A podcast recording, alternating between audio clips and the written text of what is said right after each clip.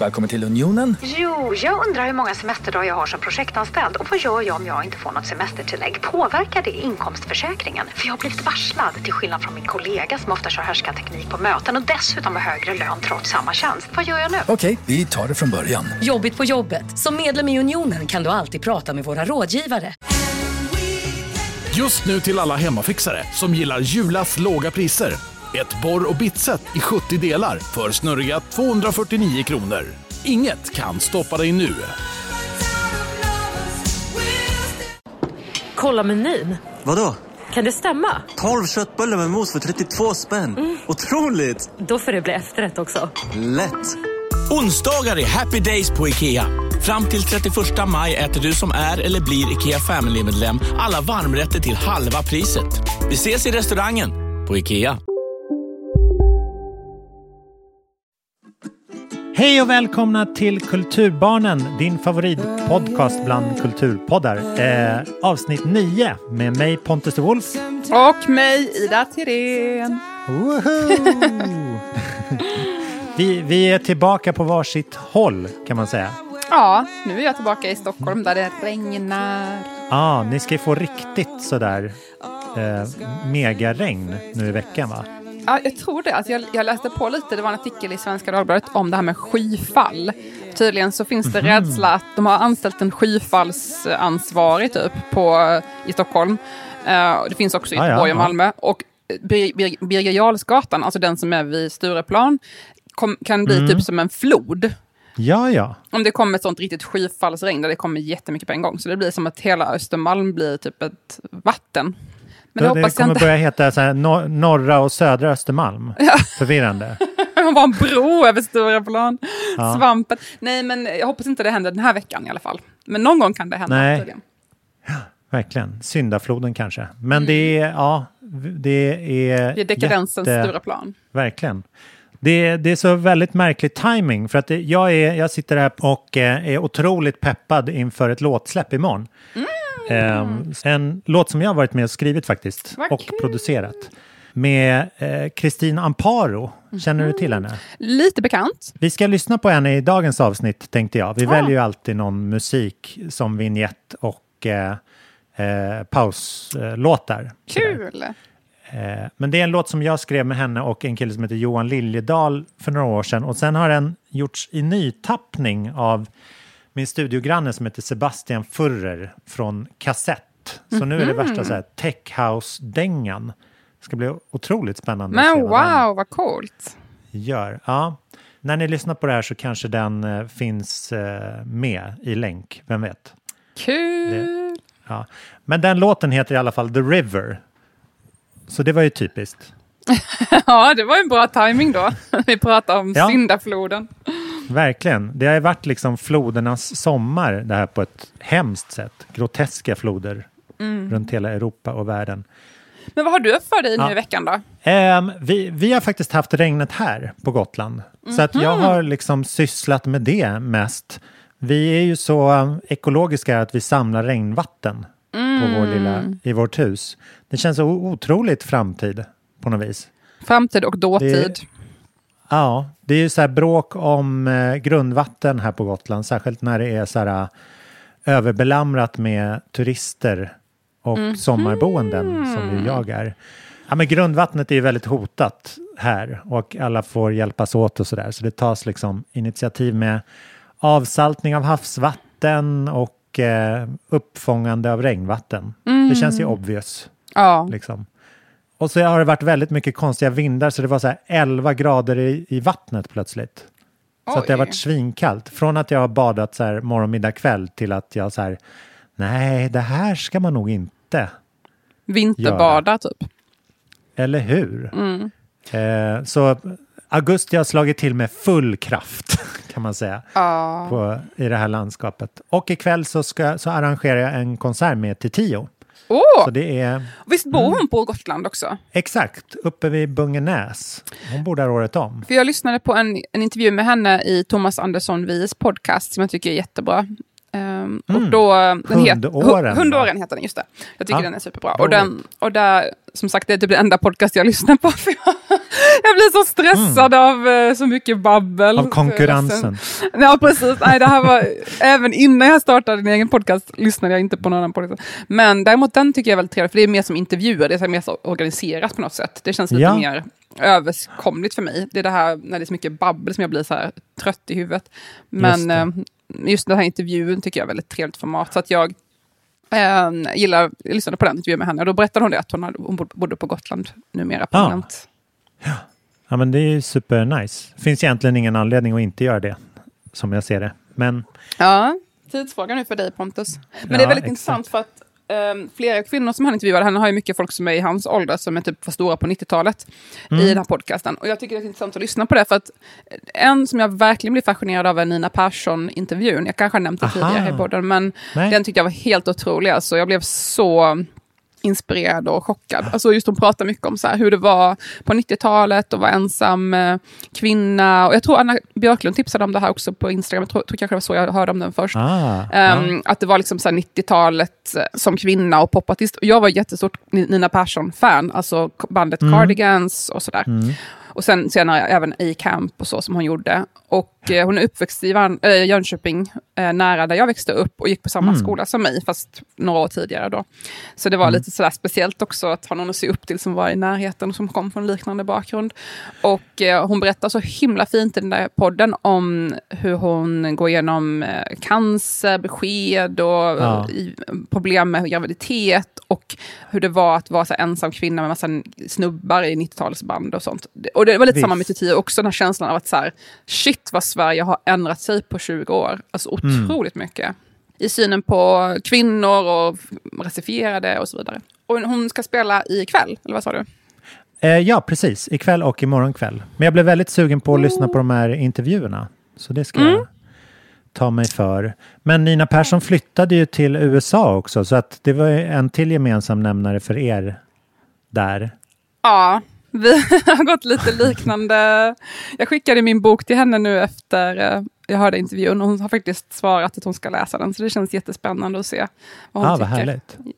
Full circle. Det känns väldigt kul att kunna... Alltså det är väldigt fint när någon har inspirerat en mycket, att man kan då ge tillbaka någonting. Och bara, Oj, kolla här. Ehm, Ja, verkligen. det är väl fint att ha den här ge och ta-grejen i kreativitet. Mm.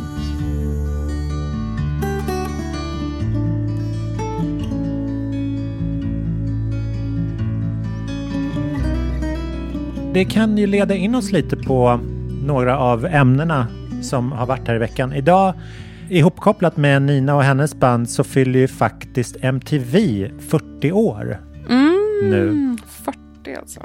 Ja, you can feel your age pumping down the veins.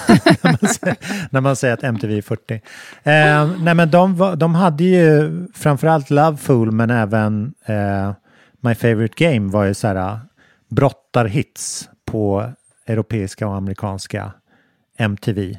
Alltså det var sådana sjuka hits alltså. Ja, vad har du för relation? Vad är ditt första minne av MTV som det hette i Sverige? Ja, det var ju så här att jag växte ju upp med ettan och tvåan och senare även fyran när den blev nationell. Men jag har aldrig haft eh, kabel eller sån här parabol och sånt när jag Nej. växte upp. Så vi kollade väldigt lite på tv faktiskt. Och vi hade så här VHS, typ, några gamla band. Alltså det, det var väldigt lite skärmtid om man säger. Alltså jag kan typ... Men min familj har alltid tyckt om att läsa mycket.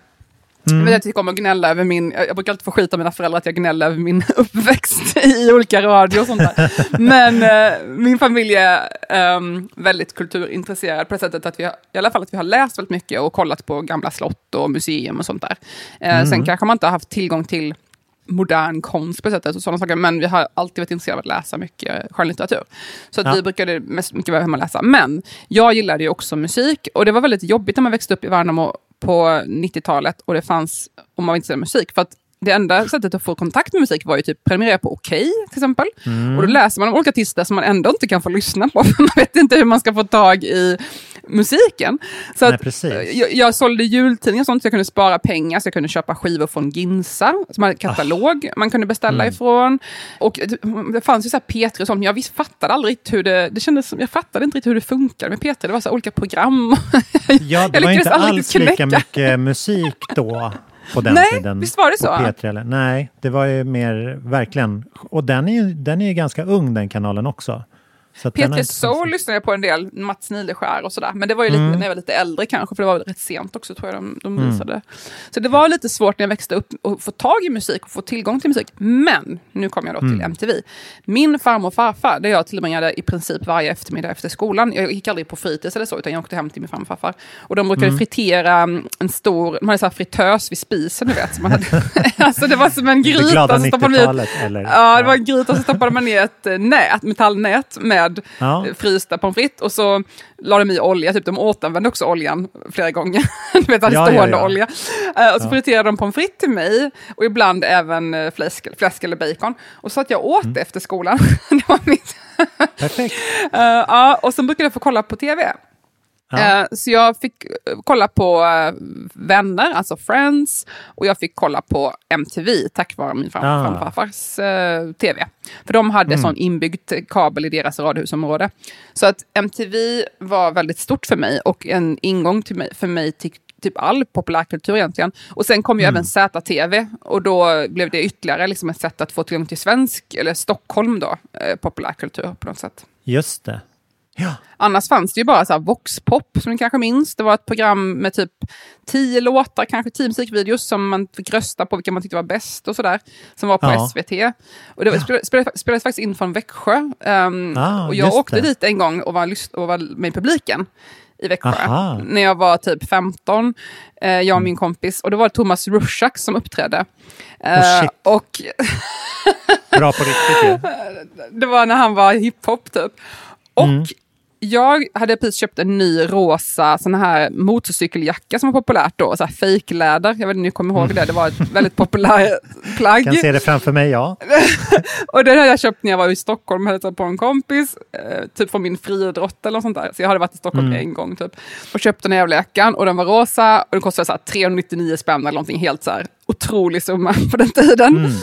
Och jag ber Thomas Rushak att signera min jacka. Åh! Vadå, så har du kvar den? Kan du inte Ja, jag lotta ut den i podden? Nej. Ja, precis. Jag tvivlar på att jag har kvar den, men om jag hittar den så ska jag säga till. För det är också så här i plast, den har säkert blivit helt äcklig nu, alltså 20 år Wow, senare. ändå superrelik. Eller antikvitet.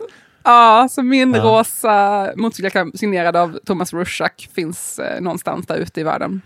Växjö hade en väldigt stark så här, ungdomskulturredaktion på SVT. Jag vet att de sände även Aha. Unga tvåan med så här Gila Bergqvist och sådana där grejer. Och gjorde säkert så här sommarlovs-tv därifrån också. Jag vet att det var en, en, eh, en eh, stark metropol.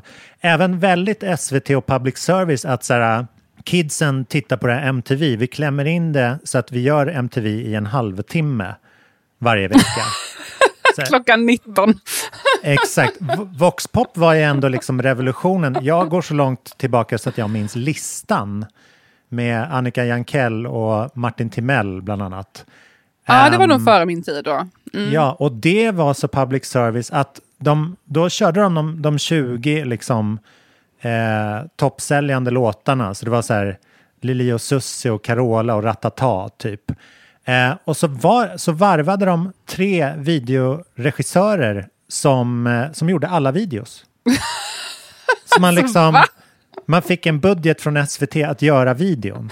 Oh Det var god! liksom, det här är, det här är under liksom den stor, det här är innan muren föll och innan Sovjet föll. Så att man så här, alla ska få samma chans typ. Alltså det var inte, det fick inte vara i kommersiellt syfte.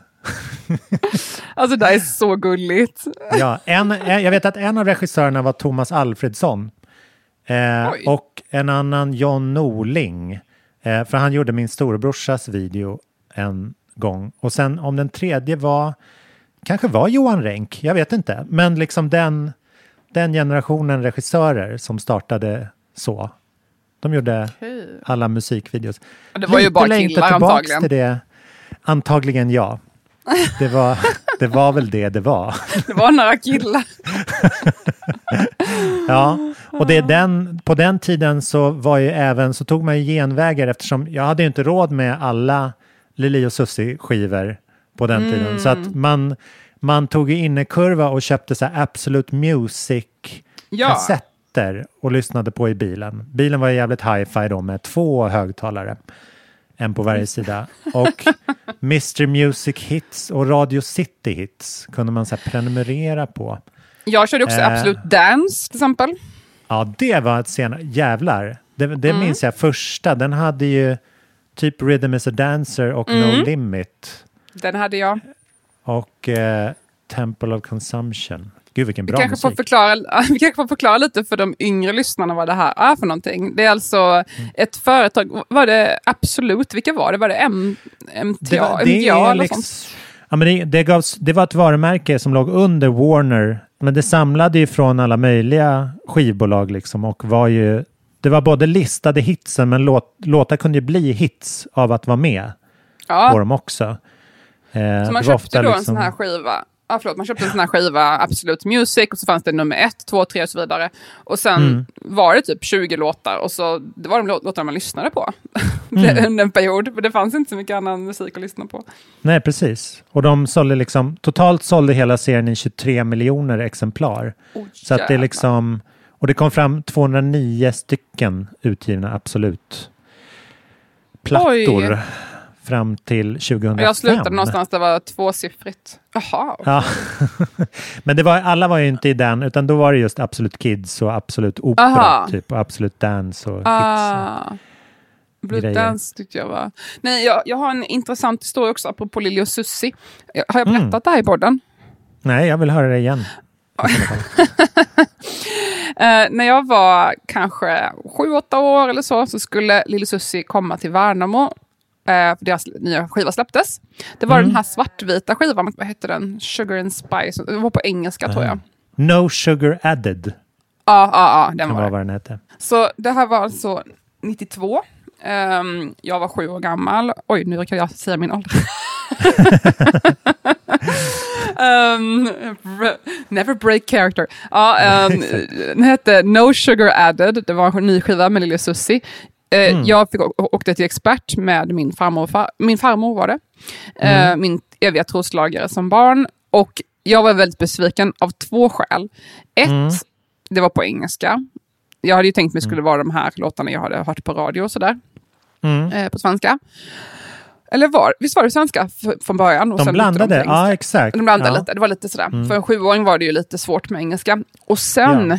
så sjöng de ju inte. De var ju bara där för att signera eh, Nej! låtarna. Svårt Så koncept var- för en sjuåring att ta in. Ja, det var väldigt mycket besvikelse. Mm. Och sen, um, men jag har ju den här skivan och har lyssnat på den väldigt mycket. Den är väldigt bra då, tyckte jag i alla fall. Um, apropå Mm. detta, lite samma fas i mitt liv. Ett annat svartvitt omslag var Josefin Mm. Nilssons skiva som kom ungefär samtidigt.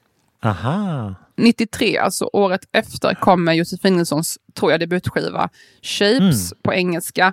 Och det är alltså Josefin Nilsson känd från Ainbusk Singers. Och det här är ju Ja. ett Och gotländskt Adam band. och Eva också. Ja, spelade hon var ju med i filmen Adam och Eva, ja, som, var superbra. Och, mm, hon kom faktiskt på tal nu när jag var på Gotland för några veckor sedan och Mm. pratade lite med folk som hade känt henne och sådär, som var lite samma Mm. ålder och så. Och det är ju så jävla tragiskt hur det, vad som hände henne. Alltså hon blev ju Mm. misshandlad och det kom en dokumentär som jag måste se, som kom för ett år sedan och handlade om hennes.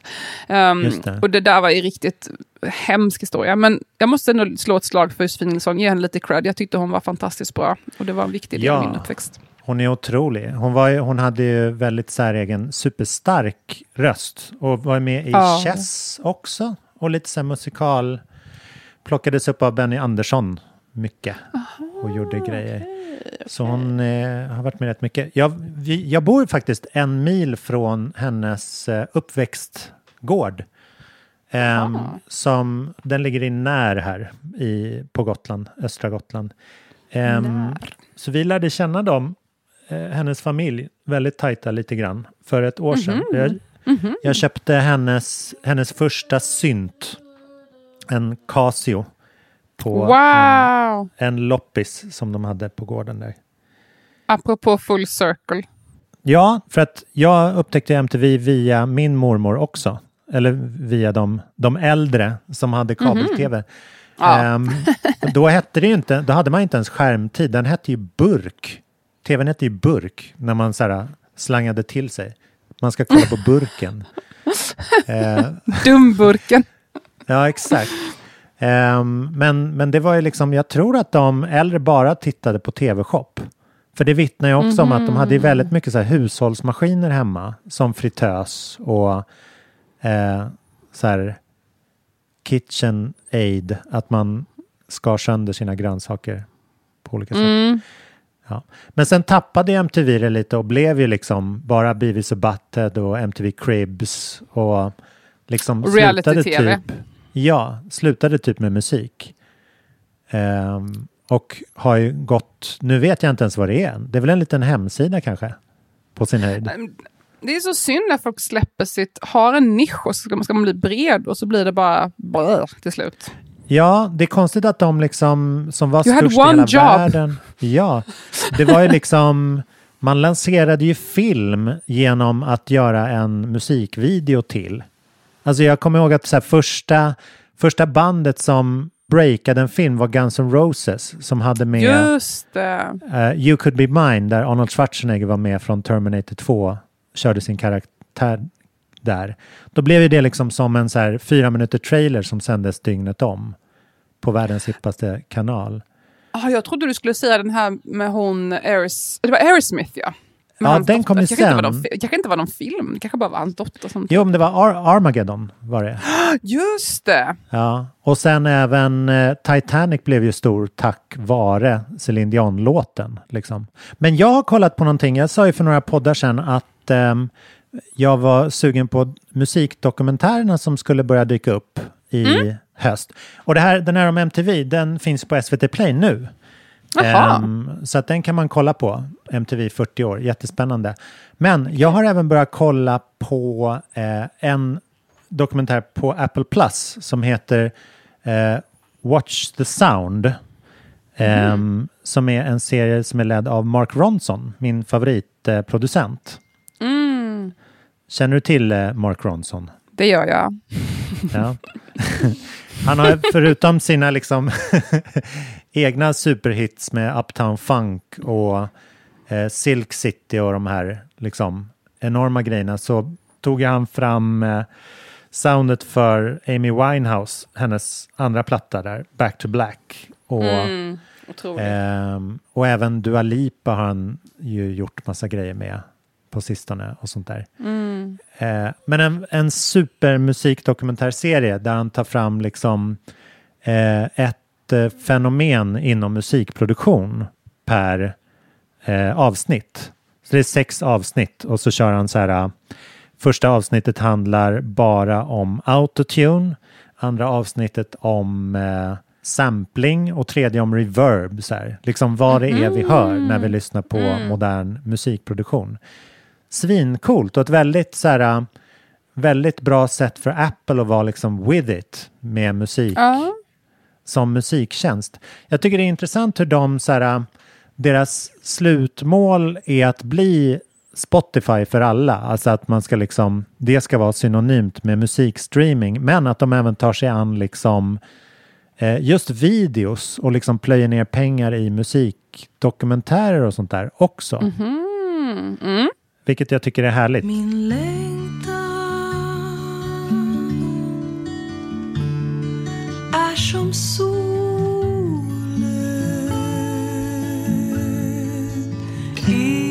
Så den, den kan jag verkligen Ja. rekommendera. Hur nördig är du liksom i musiklyssnande? Undrar du vad du lyssnar på och sånt där? När du har något? Eh, jag kan verkligen gå ner mig i saker. Alltså, sista jag har väldigt tendens att lyssna på saker på repeat väldigt mycket. Jag kan lyssna Mm. på samma låt i typ två veckor, no problem. Mm. Alltså repeat. Um, som sagt, det är min lite autistiska sida som jag har. Uh, lyckligtvis uh, sammanfaller den här väldigt väl med min uh, pojkvän numera, sambo. Och vi har Ja. lite liknande tendenser, att vi verkligen kan nörda in oss på saker och gå väldigt djupt i grejer. Bland annat Mm. så, till exempel för någon tid sedan så, jag är väldigt, jag brukade driva den här klubben, vardagsrummet på Stureplan Mm. under ett par år och var bokare. Så jag är väldigt intresserad av musik som folk dansar till och vad det är som får folk att gå igång. Och en låt som jag dör för, som jag har spelat jättemycket själv när jag har DJat, är ehm, One Thing med Amory. Ah, Och sen satt jag och lyssnade och tänkte, vad fan vad den liknar eh, både Frickum Dress och Crazy in Love med Beyoncé. Det är inte samma såna här hysteriska galna trummor som bara... Alltså, get your frickum dress on, get your frickum Ja. dress on. Alltså det är helt så här, vad fan händer typ? Och då blev jag så nyfiken på vad det här egentligen är. Så jag hade en period för några veckor sedan när vi, jag och min kille nördade in oss på det här. Och det är en producent som heter Rick Harrison. Ah. Um, eller Richard Harrison. Och han är ganska ung, alltså han är född 79. Så att när de låtarna kom måste han ju varit bara 20-30 år. Um, och han har också gjort Get Right med Jennifer Lopez. Och det är ett helt gäng låtar som har lite det här speciella soundet som är väldigt eget. Så Alltså väldigt så maxat sound. Uh, och det har till och med kommit en dokumentär om One Thing. Eh, musikdok, musik, alltså ljuddokumentär om den. Så det är väldigt speciellt med folk som hittar på sig egna sounds. Och sådana där grejer Och jag han hade producerat alla de tre? Ja, eller? precis. Ehm, och det skapar ett helt nytt sound i musiken, alltså i hiphop sådär. Eller lite så R&B kanske man kan säga. Ehm, Ja visst. Ja, men det är liksom ett helt trumset som spelar då. Fast liksom bara i små, små korta segment av det. Ja, alltså jag vet inte fan vad det är, men det är bara så fascinerande. För att lyssnar man på den låten, alltså jag kan verkligen lyssna på One thing med Amory noga. Det är helt hysteriskt. Alltså det, man, det Mm. Ja. finns no logic. Och den är också utvald som är en av de bästa låtarna de sista 20 åren i flera såna här stora publikationer, typ kanske Rolling Stone eller något sånt där. De har, alltså den har röstats fram till som jättestor hit, eller, eller röstats fram som en viktig låt. Ehm, och sånt där kan jag gå igång på så otroligt mycket och vilja veta allt om det. allt om det och lyssna på låtar som liknar och sådär. Men då tror jag Watch the Sound är en, en serie för dig faktiskt. Men det där är lite, jag brukar spela den där låten också. Vi kanske ska göra det vid sidan av livepoddar. Spela på lite klubbar i höst och vinter. Ja, om, det, om man får nu så kanske det kan vara Ja. kul. Hej, Synoptik här. Visste du att solens UV-strålar kan vara skadliga och åldra dina ögon i förtid? Kom in till oss så hjälper vi dig att hitta rätt solglasögon som skyddar dina ögon. Välkommen till Synoptik. Känner du igen en riktigt smart deal när du hör den? Fyra säckar plantjord för 100 kronor. Byggmax. Var smart. Handla billigt. Ja, Hallå? Pizzeria Grandiosa? Jag vill ha en Grandiosa capriciosa och en pepperoni. haha, något mer? Med kaffefilter. Ja, Okej, ses samma. Grandiosa, hela Sveriges hempizza. Den med mycket på. Absolut. DJ någonting. Kulturbarnen är ett jättebra DJ-namn. Jag hade bokat dem det är direkt. faktiskt sant. Alltså det är faktiskt sant. Trademark.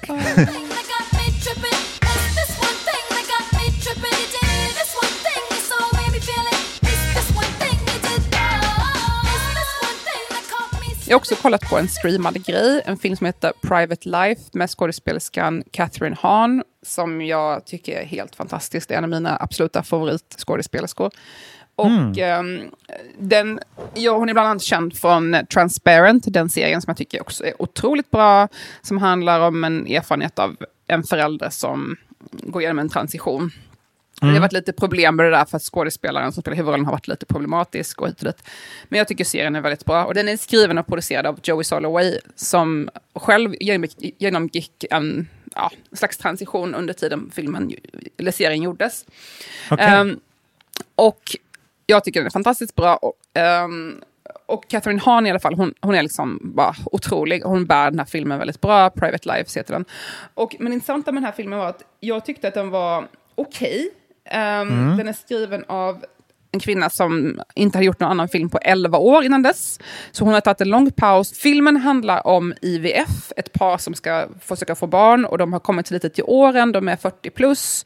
Han är 47, hon är 40 någonting. Och Mm. de är båda två eh, manusförfattare och författare och sådär och bor i New York. Eh, och nu försöker de få barn till varje pris och det har varit en väldigt omständig process.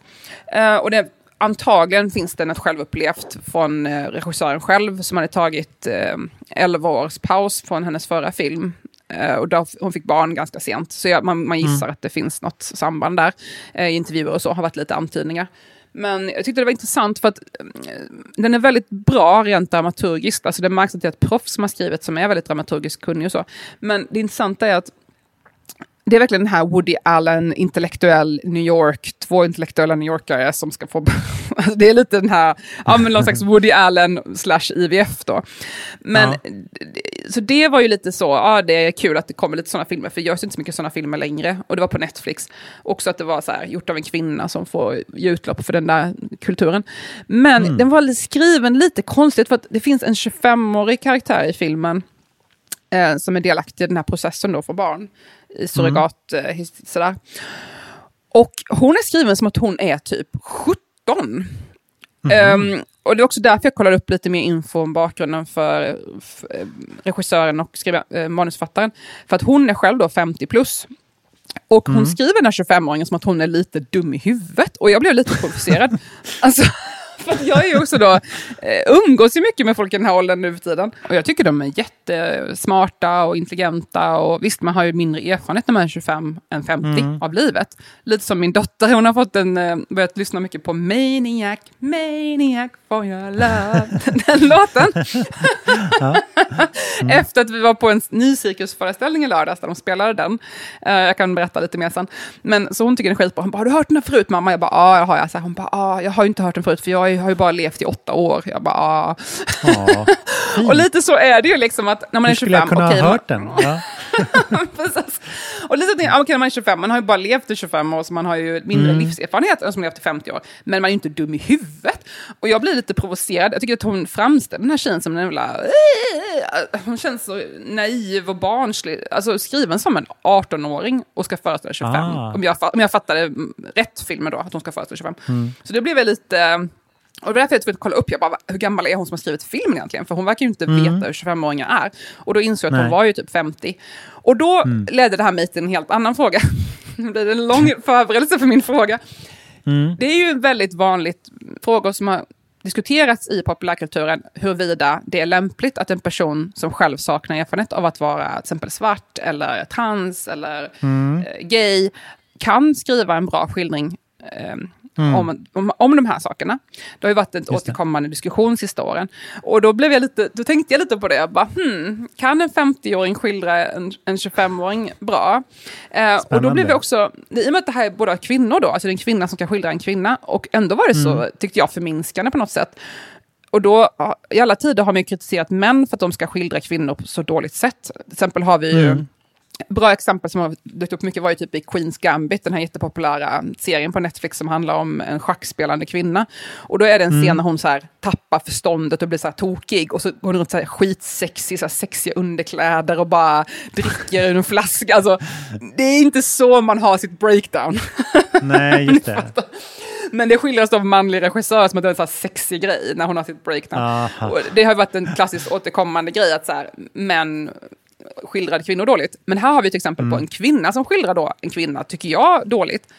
Ja. Och då funderade jag lite på när har 25-åriga kvinnor skildrats bra? Och då Mm. tänkte jag på filmer som jag verkligen uppskattat, typ Lady Bird till exempel, som kom för några år sedan som jag tyckte var helt fantastisk. Som handlar om en ung, Ja. alltså, coming, coming of, alltså uppväxtskildring av en tjej och gjord av en kvinna som är inte så mycket äldre. Så det är uppenbarligen hennes Mm. egen uppväxt. Sen kom ju den här filmen Booksmart för några år sedan som också var lite uppväxtskildring av två unga tjejer. Superbra, Mm. av Olivia Wilde.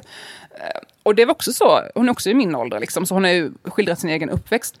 Och de tyckte jag var superbra. Men det här, någon 50-årig kvinna Mm. som själv då kanske är mer intresserad av IVF-aspekten, ska skildra en 25-åring, det tyckte jag var pinsamt. Ja, Mm. Så det var lite intressant tanke i den här diskussionen, för då blir det ju ännu mer smalt. Okej, men kvinna inte ens kan skildra en kvinna. Hur, hur nischad måste man vara? Måste det vara ens egen uppväxt för att det ska bli bra? Måste det vara något man verkligen kan relatera till? Ja, men exakt, jag- det måste Mm. liksom vara så här, så här Lena Dunham, att hon är exakt så gammal som hon är och bor där hon bor i, i verkligheten. Hon måste skilja exakt sig själv, men då får hon kritik för att hon inte hängde med afroamerikaner. Mm, just det.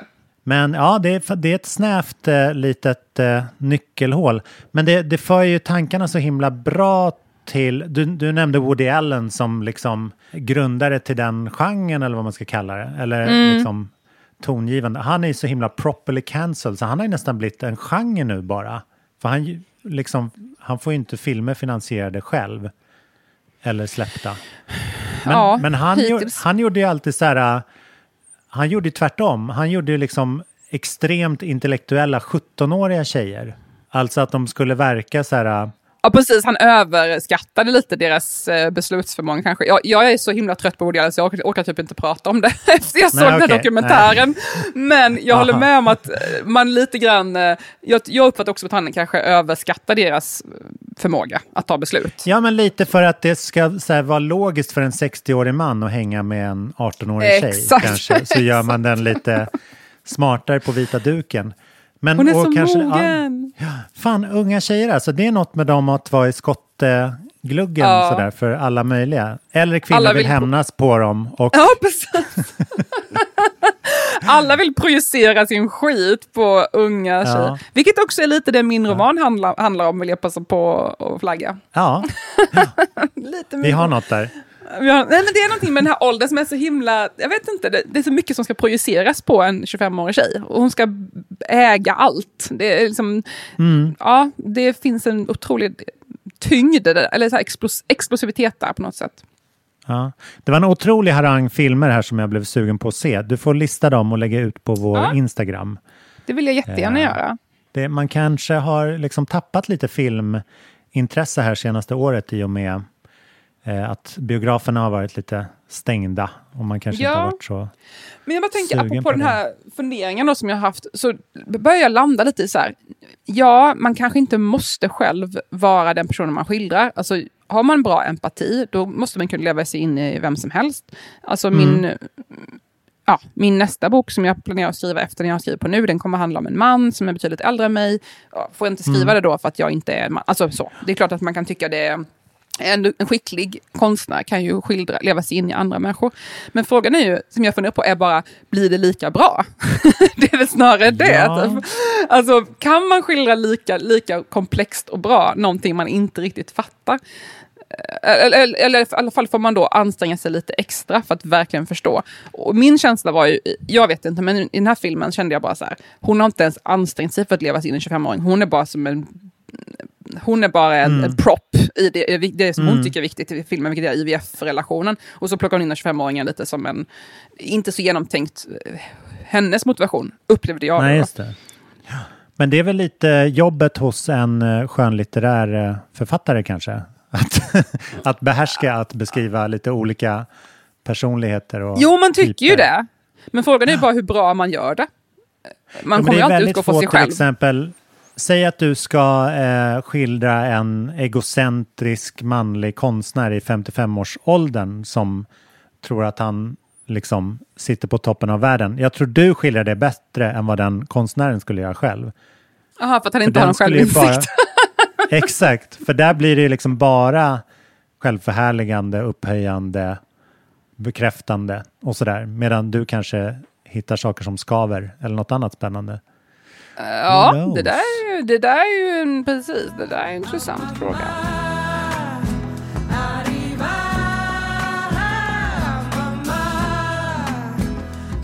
Ja, jag kollade på, det, det var rätt skönt.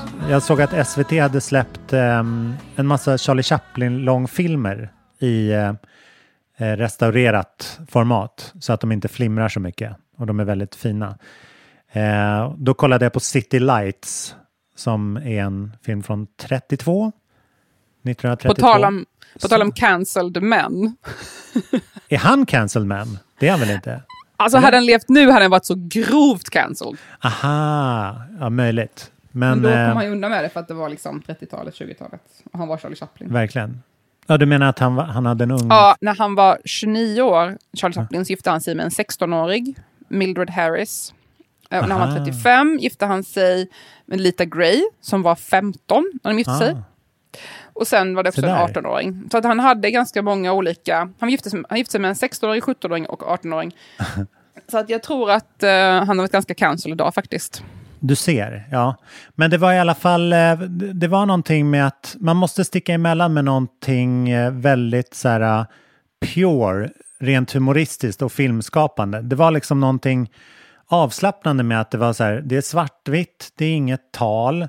Humorn går ut på att han typ skäller på en annan gubbe och så visar det sig att den andra gubben är längre än honom och då ber han om ursäkt och går därifrån. Och att det är liksom gagget det är liksom... hela tiden. Ja, att, men det är, det är ändå det är som någon slags här, uh, TikTok fast i ultrarapid. Det är väldigt Mm. intressant. Att eh, det är bara så här, om du kastar ett äpple så kanske någon får det i huvudet. men att det görs, men att all, allt krut liksom ligger på tajmingen och att det ska vara liksom en grupp människor som tittar på det som reagerar samtidigt och sådär. Det, det är rätt intressant. De ligger uppe på SVT Play nu, en massa gamla Det påminner mig Charlie lite om den här Chaplin-långfilmer. Det påminner mig lite om den här utställningen som finns nu på Dansmuseet i Stockholm. Det är en utställning Mm. om Svenska Balletten i Paris. Och Oh. ehm, ja, den är, den är inte stående, men den är lite så här, de har ju väldigt starka anknytningar. Alltså han som Rolf de Marais som startade Svenska Balletten i Paris, som är en av världens mest kända ballett, eller var, var en av världens mest kända ballettkompanier på 20-talet. Ehm, Mm. de, och kanske 30-talet också. Och då, det, han, Rolf de Marais, det är han som sen då var grunden till det här museet. Så det är väldigt starka band mellan museet och Svenska Baletten. Så det här är inte första gången de ställer ut grejer därifrån kan man Ja, säga. ja. ja. Ehm, och den pågår fortfarande tror jag. Jag tror en bit in i höst. Eh, och där var det också några videos som jag tittade på som jag tänkte på det. Där bara, det är också lite samma tid som Charlie Chaplin. Bara, det här är verkligen eh, TikTok. Mm. Alltså det är lite så här, åh nu byter vi kläder. Äh, så här, åh, klipp, klipp, nu har vi bytt Ja, kläder. precis. Oj, nu har du klätt ut dig till en kvinna. Äh. Alltså, ja, det är lite samma sån här snabba klipp, eh, slapstick-aktig humor som är populär på video. Mm. Fan vad spännande. Det är liksom hela varvet runt. TikTok är den nya stumfilmen bara egentligen. Ja, det är något Ja. sånt. Jag tittade faktiskt, jag var på Nycirkus i lördags. Det var genom Parkteatern. Eh, Kulturhuset i Stockholm har ett samarbete med något som heter Parkteatern och då är det teater utomhus helt enkelt. Eh, och just, Just nu då ha- hade de det Galärparken som ligger nära Nordiska museet och Skansen och Gröna Lund och sådär. Då är det en inhägnad där. Eh, och då var det Ah. gratis entré på ett, ett, ett gäng cirkusföreställningar de här, hade arrangerat. Eh, så jag bokade biljett till mig och min dotter. Och vi var och kollade på det i lördags. Eh, det var en finsk duo som heter, eh, i alla fall finskt ursprung, som hette Company After Clap. Två cirkusartister som heter, nu ska jag se om jag kan uttala på finska, Nelly Kujasivo och Aron Hakala. Eh, Och de hade en grupp, en föreställning som heter Red Hot Condition och det var lite så 80-talsinspirerat. Det var därför min dotter nu har börjat lyssna på Maniac, Maniac. Eh, och då var det typ att de skojade om att de hade någon dryck som gjorde att de blev jättehypade. Och så hade de så här träningsspandex från 80-talet, så här neonfärgat spandex. Och akrobatiskt. Och det var väldigt kul att se tycker jag, för att jag kan inte påstå att jag är så intresserad av nycirkus annars. Men det var väldigt kul att ehm, se cirkus som ändå hade lite så här blandning mellan teater och akrobatik och cirkus. Och det känns som att cirkus är ganska cancelled också med tanke på hur man behandlar djur och sådär. Man vågar ju inte gå på cirkus nu för tiden för man känner att ah, det här vet man inte riktigt. Eh, Så då är det kul att kunna ta del av i alla fall de akrobatiska grejerna i ett sammanhang som Ja. ändå funkar för en yngre publik också. Det har vi ju för alla åldrar, alltså 7 plus. Mm. Eh, Men då gör de häftiga moves och jonglerar med fötterna och klättrar runt. Och det fanns ändå lite sammanhang i det, så det känns som en lite teateraktigt. Och hon har pratat nonstop om det här, min dotter, sen i lördag. Så det känns som att det landade fint. Så jag tyckte det var ett väldigt bra initiativ från Parkteatern. Men cirkus, cirkusvecka hade de. Gud vad Och roligt. det är lite, Ja, men det- apropå lite det här med TikTok och liksom, eh, jag vet inte, det känns som det är lite samma stil på det här lite eh, skämtaktigt, fast det är ändå imponerande. Det är kul och imponerande Ja, samtidigt. undrar om det kommer göras liksom en live, eh, om någon kommer plocka upp och göra TikTok live liksom. Det, hela den här challenge-biten, att man bara går kolla på någon som gör 30 challenges.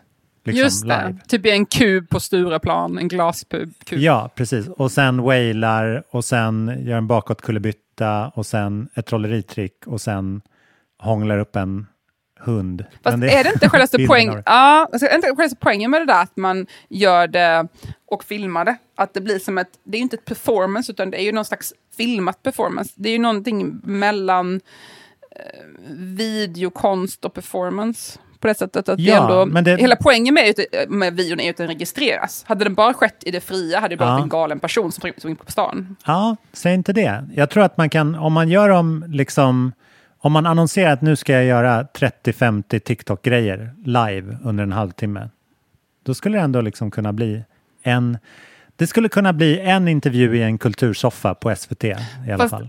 hela poängen med det här Pontus är ju att alltså, om ett träd faller i skogen och ingen hör det. alltså om man beter sig som en galning på stan, då är man en galning på stan. Ja. Beter man sig som en galning på stan och filmar det, då är man TikTok. Men problemet är att om man skulle göra det här, bara, ah, att 30 personer i publiken kommer komma, ja, vad händer med 30 personer? De kommer filma. Det kommer 30 personer som filmar det här Mm. istället. Så att plötsligt blir det inte en TikTok utan 30 TikTok. Så att, eller, eller stories liksom på Åh, Instagram eller någonting. it's a dead end. Så jag tror Ja. att det här är lite svårt att genomföra. Jag, jag såg en intressant post på Instagram som ehm, någon hade lagt upp som hade fotat mycket fester på 90-talet i Hollywood. Eh, och så var det Mm. massa bilder på så här, Leonardo, Leonardo DiCaprio festar med Cameron Diaz och typ hånglar eller vet, så här, lite, kan, lite Mm. så här festbilder. Och då s- stod det i caption, så här, i undertexten, att det var verkligen sista så här, partytiden på 90-talet. Mm. Innan eh, allting började fotas och filmas, då var det bara enstaka paparazzi och folk visste att nu kommer någon med en kamera. Ah, Eh, men nu är det så att ja. vad som, ingen vågar ju släppa loss och ha kul för att alla har liksom en hög eh, pixlad eh, jätteavancerad kamera i fickan och kan fota allt. Så det är ju svårare Ja. kanske att släppa loss på det sättet som man gjorde förr, när man bara äh, fucka ur. Äh. Just det. Men jag måste säga, jag, Ja, måste att jag, har, jag har märkt också nu när jag har festat en del med folk som har eh, stora, alltså många följare och stort inflytande. Alltså, Alltså, när jag har umgåtts i sådana sammanhang med folk som är lite influencers och sånt, så har jag märkt att det är väldigt Mm. få som filmar och fotar under tiden man är ute. Det känns Mm. som den här tiden när man fotar fest och filmar fest, det känns som att den är förbi på något sätt. Ja, den var väl egentligen mest en så här, äh, garanti för att man ska bli bjuden på nästa fest. jo, för sig. Men det, ja, det har säkert liksom gått åt andra hållet nu. Att det är Why lite not? fult att plötsligt börja filma, det är lite tacky på något sätt att plötsligt börja filma en fest. Jag, jag vet inte om det ja. har att göra med att det är corona som man inte vill visa att man är på fest. ehm, Ja. Eller ifall det är en på, pågående trend. Men jag tycker inte jag har märkt lika mycket av det där längre, att det fotas Nej. och filmas när man är ute på det sättet. Ehm. Jag var ju på Gröna Lund här också i veckan. Um, Ah, några där av Sveriges största. TikTokare. Uh, Ja. Det var nämligen det här lyssningspartyt med Billie Eilish som jag var på. Ah, och ja, efteråt fick det? man... Det var nice, alltså man fick ju lyssna på hela skivan och det var jävligt många låtar. Det var typ Ah. eh, 15 låtar eller någonting på typ en timme. Vilket jag antar spär på min spaning som jag haft tidigare på den, att nya grejen är korta låtar. För att då får man betalt Mm. per, per stream. Alltså Du på, ser, ja. Spotify. Mm. Istället för att ha en svinlång låt. Då kanske man hör låt- låten två gånger istället. Det här har ju varit min spaning tidigare. Och jag, Mm. ja, det här bygger ju vidare min spaning där, att det var jättemånga låtar som var korta. Eh, Så jag lyssnade på Billie Eilish och sen så eh, gick vi ut, då var det ju på Gröna Lund, så man kunde bara gå ut och plötsligt var man i parken och kunde åka. Och då var det Mm. jag och några vänner som är alla väldigt populära på TikTok. Så det var lite shutdown där, det var mycket, mycket fotning, många kids som ville fota. Jag är ju ganska van vid det där nu för tiden, men det här var ändå, Mm. ja, tre, gånger tre var ändå ganska maxat. Ehm, Ja. Så det var, Starkt, det var för kul. Gröna, Gröna Lund var ju liksom stängt hela förra året i princip. Så nu är, nu är första liksom året med TikTok-boom och Gröna Lund i en Exakt. fantastisk symbios. TikTok kommer dit och bara, vad fan är det här? En hel TikTok-park bara för mig.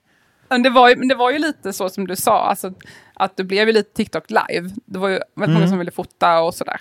Eh, min kompis Emil Henron, som har blivit jättestor Mm. sista typ halvåret på TikTok, och nu har så här, jag vet inte, 250 000 följare eller sånt på TikTok. Han Mm. är musikalartist i grunden och kommer från Växjö. Lite i samma krokar som mig. Ehm, Gör han faces eller voices? Eller han gör allt möjligt. Han, han sjunger och gör olika karaktärer och sketcher och Ah. väldigt så här, underhållande. Mm. Eh, Ganska familjevänligt får man väl säga ändå. Ehm, Mm. Och han eh, hade på sig en jättehäftig kostym med så här blondie patches och massa, massa blondie-tema på. Så den var väldigt spektakulär. Så han gick liksom all Mm. in. Då var det som att okej, jag är på Grönan, jag kan lika gärna bara... Eh, så Exakt. det svä- svävar runt mycket fina bilder på Emil i en extremt maxad blondie-kostym. Men jag tycker mig ha märkt just på liksom TikTok och sånt att när jag har kollat lite där så att det är väldigt många som är nischade, som är duktiga på det de gör, som Mm. gör det de är duktiga på. Så att de får utlopp för det. Det är bara ett nytt sätt att få ett fönster ut i världen för saker man redan kan. För de som är väldigt Mm. framgångsrika, många där var ju duktiga på saker innan TikTok. Som exempel Emil, han var ju ganska framgångsrik musik, eller up and coming musikalartist innan TikTok. Så han har ju bara använt Ja, det som ett sätt att ytterligare komma ut till fler människor. Ehm, och en annan kompis till mig, Björn, som kallas för bussbärare på TikTok, han är också sådär, spelat i band och ganska, gjort ganska mycket grejer musikaliskt. Mm. Och alla är så här runt 24-25. Och så började han, började han göra låtar på TikTok på skoj och blev ganska stor också. Började också närma sig typ Mm. 100 000 följare. Men han når ju bara en helt ny publik. Han, han höll ju på med det här långt innan. Det är bara ett sätt för honom att Ja. nå nya människor. Så att jag tror att de som ändå är, folk kan ändå märka när någon är duktig på riktigt på någonting. Oh ja, verkligen.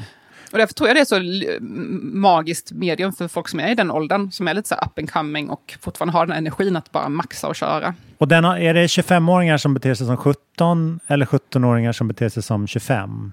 Det är frågan. jag tror att det finns både och. Alltså, det, finns ju ungdomar, det finns ju ungdomar där som är verkligen 17 och som typ bara lägger upp videos på babbla om sitt liv eller som är lite mer Mm. som bloggar eller bara profiler. Och så finns det de som faktiskt som typ Emil och Björn som är verkligen duktiga på saker eller som kan Mm. vad de gör och så gör de det fokuserat. Eh, Så jag tror det finns två olika kategorier sådär. Uh, yeah, yeah. Sometimes it's Men fan vad härligt. Skönt att du har eh, akklimatiserat dig till stan igen. Så får, får du ha ett paraply när du går ut. Ja, det känns underbart. Och jag måste berätta en liten hemlighet innan vi avslutar. Jag åkte till Oh. Uppsala igår bara för att äta på Golden Igen? China. Nej. Jag och min kille drog dit och tog med min dotter också. Och hon gillade också maten där, fast hon tog dumplings. Så jag vill bara säga, Mm. Golden China, I love you. Jag åker till Uppsala för att äta där. Stod det många protestskyltar för att du hade dissat Pelle Svanslös? Sådana här eh, liksom, aktivister på Ja, tågstationen. precis. Skydda Pelle från, Ja. från eh, motståndarna. Mm. Exakt. Respektera den svanslösa. Nej. Nej men vad kul. Det är återbesök i Uppsala alltså. Vilken... Bara för att äta betyg. på Golden China. Så att, eh, Mm. det säger ganska mycket. Upplands Köpenhamn. Ska vi mynta det? Slash? Paris. Ja, stora ord. Man, man får fan passa på att åka till Paris. I år kommer det inte ske, eller jag pallar inte det. Men sen upptäckte jag att det kommer vara OS där om tre år. Herregud. Så den sommaren är också körd. Så vi har liksom ett litet fönster här på två somrar. Medan Paris finns liksom, ligger oförstört. Stressigt tycker jag med all den här sporten. Ja, jag förstår ju ingenting av det här med sport. Men jag, jag, kul att folk kör. Kul att ni kör Ja. där ute. Verkligen. Kanon. Ja, men tack så mycket för idag Pontus. Tack alla som lyssnar. Om ni tycker att det är Ja. en kul podd får ni jättegärna skicka till en kompis. Typ så här. Hej, har ni hört den här podden? Den är så kul. Då blir jag Ja. jätteglad. I den rösten här. I den rösten. Lämna, lämna röstmemo. Hej, jag ringde bara för att. Men man kan klicka på Spotify, kan man dela på, så här, klicka på dela eller på share och då kommer det upp i ens Instagram stories direkt. Mm, Länk. till exakt. exempel. Om man har Man måste ju Instagram-appen. vara, man måste vara först med att gilla någonting coolt. Annars är, man, annars är det inte värt något. Eller så är det bara så här, ja, kul att dela med sig av sånt som är bra. Ja, verkligen. That's it. Ha en fin vecka Pontus, så hörs vi nästa vecka, nästa torsdag. Detsamma, det ska jag ha. Du med. Hej då! Okej, ha det bra. Tack för Hej då! idag. Hej då! Hej. Sometimes it's up, sometimes it's down.